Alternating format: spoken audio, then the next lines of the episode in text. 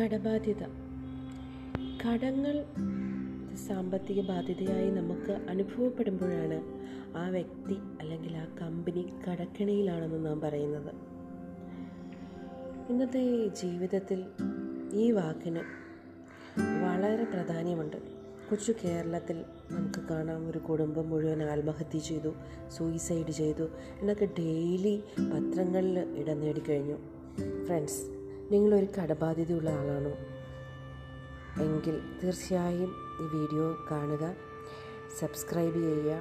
ഇതുപോലുള്ള കാര്യങ്ങൾ നിങ്ങൾക്ക് കൂടുതൽ മനസ്സിലാക്കുവാനും ചിന്തിക്കുവാനും സഹായിക്കുന്നതാണ്.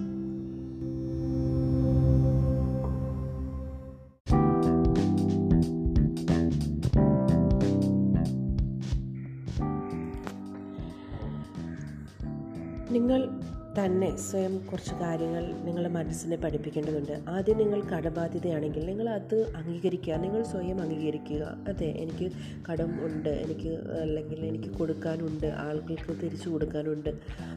എന്നുള്ള കാര്യം നിങ്ങൾ അംഗീകരിക്കുക. രണ്ടാമതായി നിങ്ങൾ ചെയ്തത് എന്താണെന്ന് വെച്ചാൽ നിങ്ങൾ മനസ്സിലാക്കുക. നിങ്ങളൊരു കുറ്റവാളിയല്ല. നിങ്ങളൊരു സാധാരണ മനുഷ്യനാണ്. നിങ്ങളൊരു കുറ്റവാളിയല്ല. നിങ്ങളൊരു സാധാരണ മനുഷ്യനാണ്. നിങ്ങളെ സ്നേഹിക്കുക. നിങ്ങൾ ആദ്യം നിങ്ങളെ സ്നേഹിക്കുക. നിങ്ങൾ ചുറ്റുമുള്ള ആളുകൾ നിങ്ങളുടെ കുടുംബാംഗങ്ങൾ നിങ്ങളുടെ ഫ്രണ്ട്സ് അതുപോലെ പണം പലിശയ്ക്ക് വാങ്ങിച്ചിരിക്കുന്ന ആളുകൾ ഇവരൊക്കെ നിങ്ങളെ പറയുന്ന കുറ്റപ്പെടുത്തുന്ന കാര്യങ്ങളെല്ലാം നിങ്ങൾ ഒരു വശത്തേക്ക് മാറ്റുക. സ്വയം നിങ്ങൾ മനസ്സിലാക്കുക. നിങ്ങളൊരു നല്ല വ്യക്തിയാണ്. പല രീതിയിൽ നിങ്ങൾക്ക് കടമുണ്ടായെന്ന് വരാം. നിങ്ങൾ ഒന്നെങ്കിൽ കുടുംബം നിങ്ങളെ നന്നാക്കാൻ അല്ലെങ്കിൽ ബിസിനസ്സിന് വേണ്ടി എടുത്തതായിരിക്കാം. അല്ലെങ്കിൽ നിങ്ങൾ മറ്റെന്തെങ്കിലും ആവശ്യത്തിന് വേണ്ടി എടുത്തിരിക്കുന്നത് എന്തൊക്കെയാണെങ്കിലും നിങ്ങൾ കടബാധിതരാണ് നിങ്ങളൊരു നല്ല വ്യക്തിയാണ്. നിങ്ങൾ ഒരിക്കലും ഒരു കുറ്റവാളിയല്ല. ഇതിനെ ഓർത്ത് നമുക്ക് ദുഃഖിക്കേണ്ട കാര്യമില്ല. ഇതിനെ ഓർത്ത് നമ്മൾ ഒരിക്കലും വിഷാദിച്ച് ഒരു മൂലയിലേക്ക് മടങ്ങേണ്ട കാര്യമില്ല. നിങ്ങൾ ഒറ്റപ്പെടേണ്ട കാര്യമില്ല.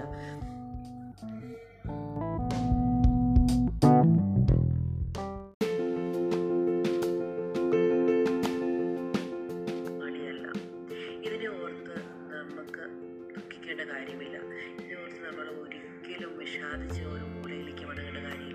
നിങ്ങൾ ഒറ്റപ്പെടേണ്ട കാര്യമില്ല.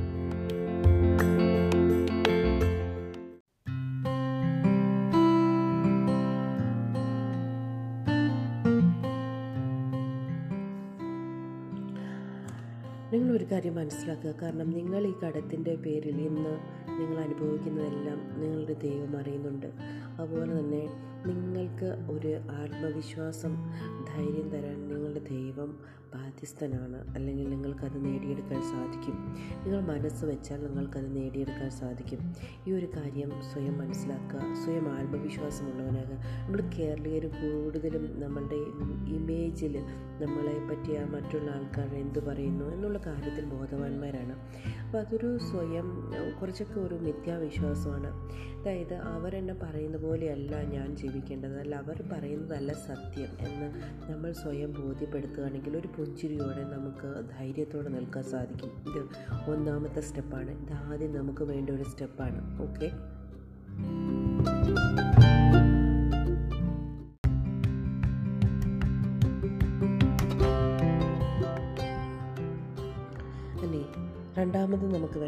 കാര്യം നമ്മളുടെ കടക്കാരെ എല്ലാം വിളിക്കുക.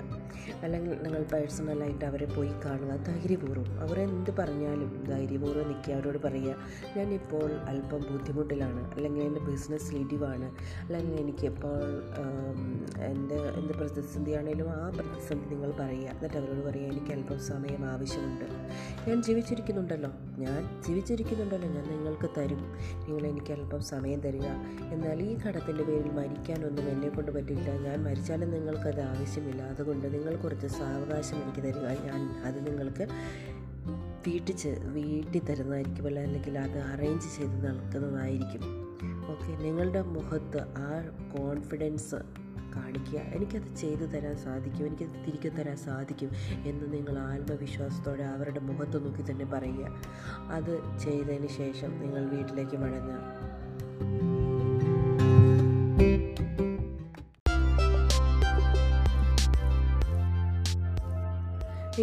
പല വ്യക്തികളും ഈ കടബാധ്യതയെ അതിജീവിക്കാനായിട്ട് നമുക്ക് കുറച്ച് ടിപ്സുകൾ തന്നിട്ടുണ്ട്. നമുക്ക് അതിലേക്ക് നോക്കാം. നിങ്ങൾ വീട്ടിലെത്തിയ ഉടനെ ശാന്തമായിട്ട് സ്ഥലത്തിരിക്കുക. ഒരു പേപ്പർ അല്ലെങ്കിൽ ബുക്ക് നിങ്ങൾ എടുക്കുക. ബുക്ക് എടുത്തിട്ട് നിങ്ങൾ എഴുതുക. എന്തൊക്കെ കടങ്ങൾ നിങ്ങൾക്കുണ്ട്. അതിനകത്ത് നിങ്ങളൊന്നും മിസ് ചെയ്യാൻ പാടില്ല.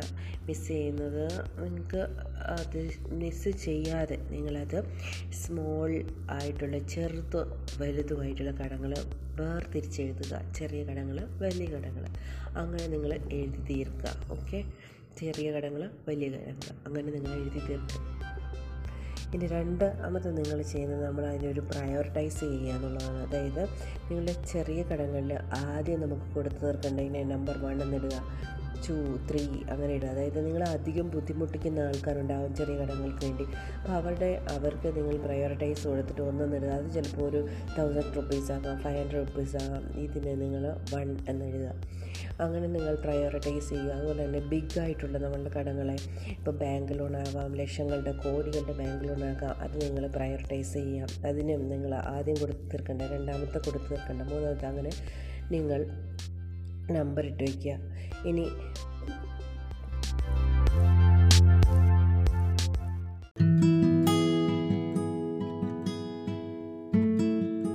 ചെയ്തതിന് ശേഷം നമ്മൾ ഇനി അടുത്ത് ചെയ്യേണ്ടത് നമ്മുടെ സ്മോൾ കടത്തിലെ ആദ്യത്തെ കടം എടുക്കുക. അത് ചിലപ്പോൾ ഒരു ഫൈവ് ഹൺഡ്രഡ് റുപ്പീസ് അല്ലെങ്കിൽ thousand rupees five thousand rupees എന്നിങ്ങനെയാവാം.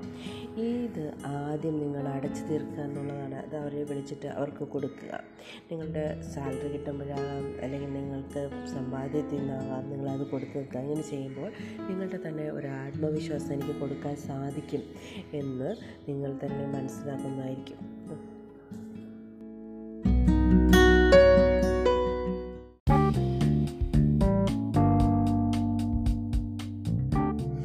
അടുത്തതായി നിങ്ങൾ ചെയ്യുന്നത്. നിങ്ങളൊരു എക്സ്ട്രാ ഇൻകം അതായത് നിങ്ങൾക്കൊരു ജോലിയുള്ള വ്യക്തിയായിരിക്കാം. എന്നാൽ നിങ്ങളൊരു എക്സ്ട്രാ ഇൻകം ഒരു സൈഡ് ഒരു പാർട്ട് ടൈം ജോബ് അല്ലെങ്കിൽ ഒരു സൈഡ് ബിസിനസ് കണ്ടുപിടിക്കുക. എന്നിട്ട് നിങ്ങൾ അതിൽ കോൺസെൻട്രേറ്റ് ചെയ്ത് മുമ്പോട്ട് പോവുക. അല്ലെങ്കിൽ നിങ്ങളുടെ കുടുംബാംഗങ്ങളെ ആരെങ്കിലും ജോലിയൊക്കെ ഉണ്ടെങ്കിൽ ജോലി ഇല്ലാതിരിക്കുന്നവരുണ്ടെങ്കിൽ അവർക്കൊരു പാർട്ട് ടൈം ജോലിയാക്കി കൊടുക്കുക. അപ്പോൾ നിങ്ങളുടെ കുടുംബാംഗങ്ങളുടെ വഴി നിങ്ങൾക്ക് ഒരു സപ്പോർട്ടായി തീരും. അപ്പോൾ ഈ ഇൻകം ഇങ്ങനെ കിട്ടുന്ന ഇൻകം നിങ്ങളുടെ ഈ സ്മോൾ വൺസ് എല്ലാം സ്മോൾ ആയിട്ടുള്ള കടങ്ങളെല്ലാം പേ ചെയ്യാനായിട്ട് യൂസ് ചെയ്യണം നിങ്ങൾ.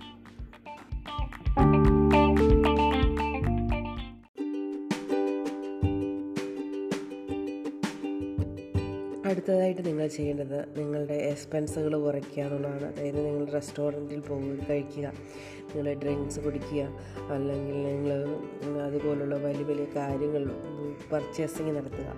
ഇതുപോലുള്ള കാര്യങ്ങളെല്ലാം നിങ്ങൾ മാറ്റി വയ്ക്കുക ഈ ഇതിനു വേണ്ടി ചിലവാക്കാനിരിക്കുന്ന തുകയെ നിങ്ങളൊരു ഒരു സേവ് ചെയ്തിട്ട് നിങ്ങളൊരു എമർജൻസി ഫണ്ടായിട്ട് അതിനെ സേവ് ചെയ്ത് വെക്കുക. നിങ്ങൾക്ക് എന്തെങ്കിലും നിങ്ങളുടെ കുടുംബത്തിന് എന്തെങ്കിലും കാര്യങ്ങൾ പെട്ടെന്ന് സംഭവിച്ചാൽ അതിനു വേണ്ടി നിങ്ങൾ ആരുടെയും മുമ്പിൽ കൈ നീട്ടാൻ പാടില്ല അതിനുവേണ്ടി നിങ്ങൾ ഈ ഇത് ഈ തുക ഇങ്ങനെ കിട്ടുന്ന തുകയെ സേവ് ചെയ്ത് വയ്ക്കുക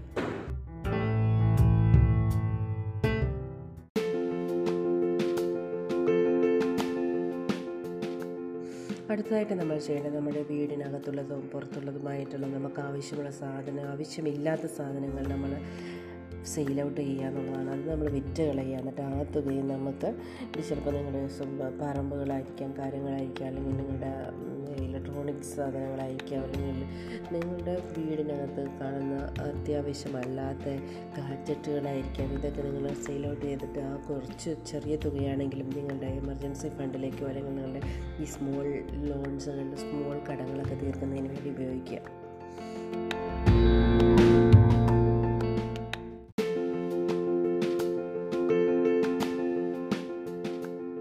അടുത്തതായിട്ട് നമ്മൾ ചെയ്യേണ്ടത് നമ്മുടെ വീടിനകത്തുള്ളതും പുറത്തുള്ളതുമായിട്ടുള്ള നമുക്ക് ആവശ്യമുള്ള സാധനം ആവശ്യമില്ലാത്ത സാധനങ്ങൾ നമ്മൾ സെയിൽ ഔട്ട് ചെയ്യുക എന്നുള്ളതാണ്. അത് നമ്മൾ വിറ്റ് കളയുക. എന്നിട്ട് ആ തുകയും നമുക്ക് ചിലപ്പോൾ നിങ്ങളുടെ പറമ്പുകളായിരിക്കാം കാര്യങ്ങളായിരിക്കാം അല്ലെങ്കിൽ നിങ്ങളുടെ ഇലക്ട്രോണിക്സ് സാധനങ്ങളായിരിക്കാം അല്ലെങ്കിൽ നിങ്ങളുടെ വീടിനകത്ത് കാണുന്ന അത്യാവശ്യമല്ലാത്ത ഗാഡ്ജറ്റുകളായിരിക്കാം ഇതൊക്കെ നിങ്ങൾ സെയിൽ ഔട്ട് ചെയ്തിട്ട് ആ കുറച്ച് ചെറിയ തുകയാണെങ്കിലും നിങ്ങളുടെ എമർജൻസി ഫണ്ടിലേക്കോ അല്ലെങ്കിൽ നിങ്ങളുടെ ഈ സ്മോൾ ലോൺസ് സ്മോൾ കടങ്ങളൊക്കെ തീർക്കുന്നതിന് വേണ്ടി ഉപയോഗിക്കുക.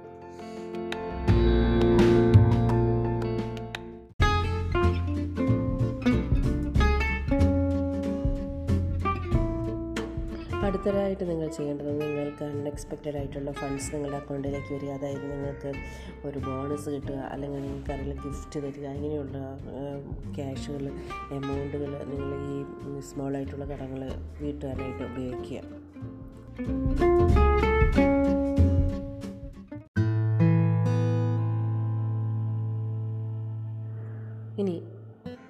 അടുത്ത കാര്യം എന്ന് പറഞ്ഞാൽ നിങ്ങളുടെ ബാങ്കിനെ സമീപിക്കുക. അപ്പോൾ നിങ്ങളുടെ ലോണുകൾ അല്ലെങ്കിൽ നിങ്ങളുടെ ക്രെഡിറ്റ് കാർഡിന്റെ ഇൻട്രസ്റ്റ് റേറ്റ് കുറച്ച് തരാനായിട്ട് അവരോട് ആവശ്യപ്പെടുക. അങ്ങനെ നിങ്ങൾക്കൊരു ഇൻട്രസ്റ്റ് റേറ്റ് കുറയ്ക്കാം. അല്ലെങ്കിൽ നിങ്ങൾക്ക് ട്രാൻസ്ഫർ ചെയ്യാം വേറൊരു ബാങ്കിലേക്ക് ട്രാൻസ്ഫർ ചെയ്യാൻ പറ്റും. അങ്ങനെയുള്ള കാര്യങ്ങൾ നിങ്ങൾ ചെയ്യുക.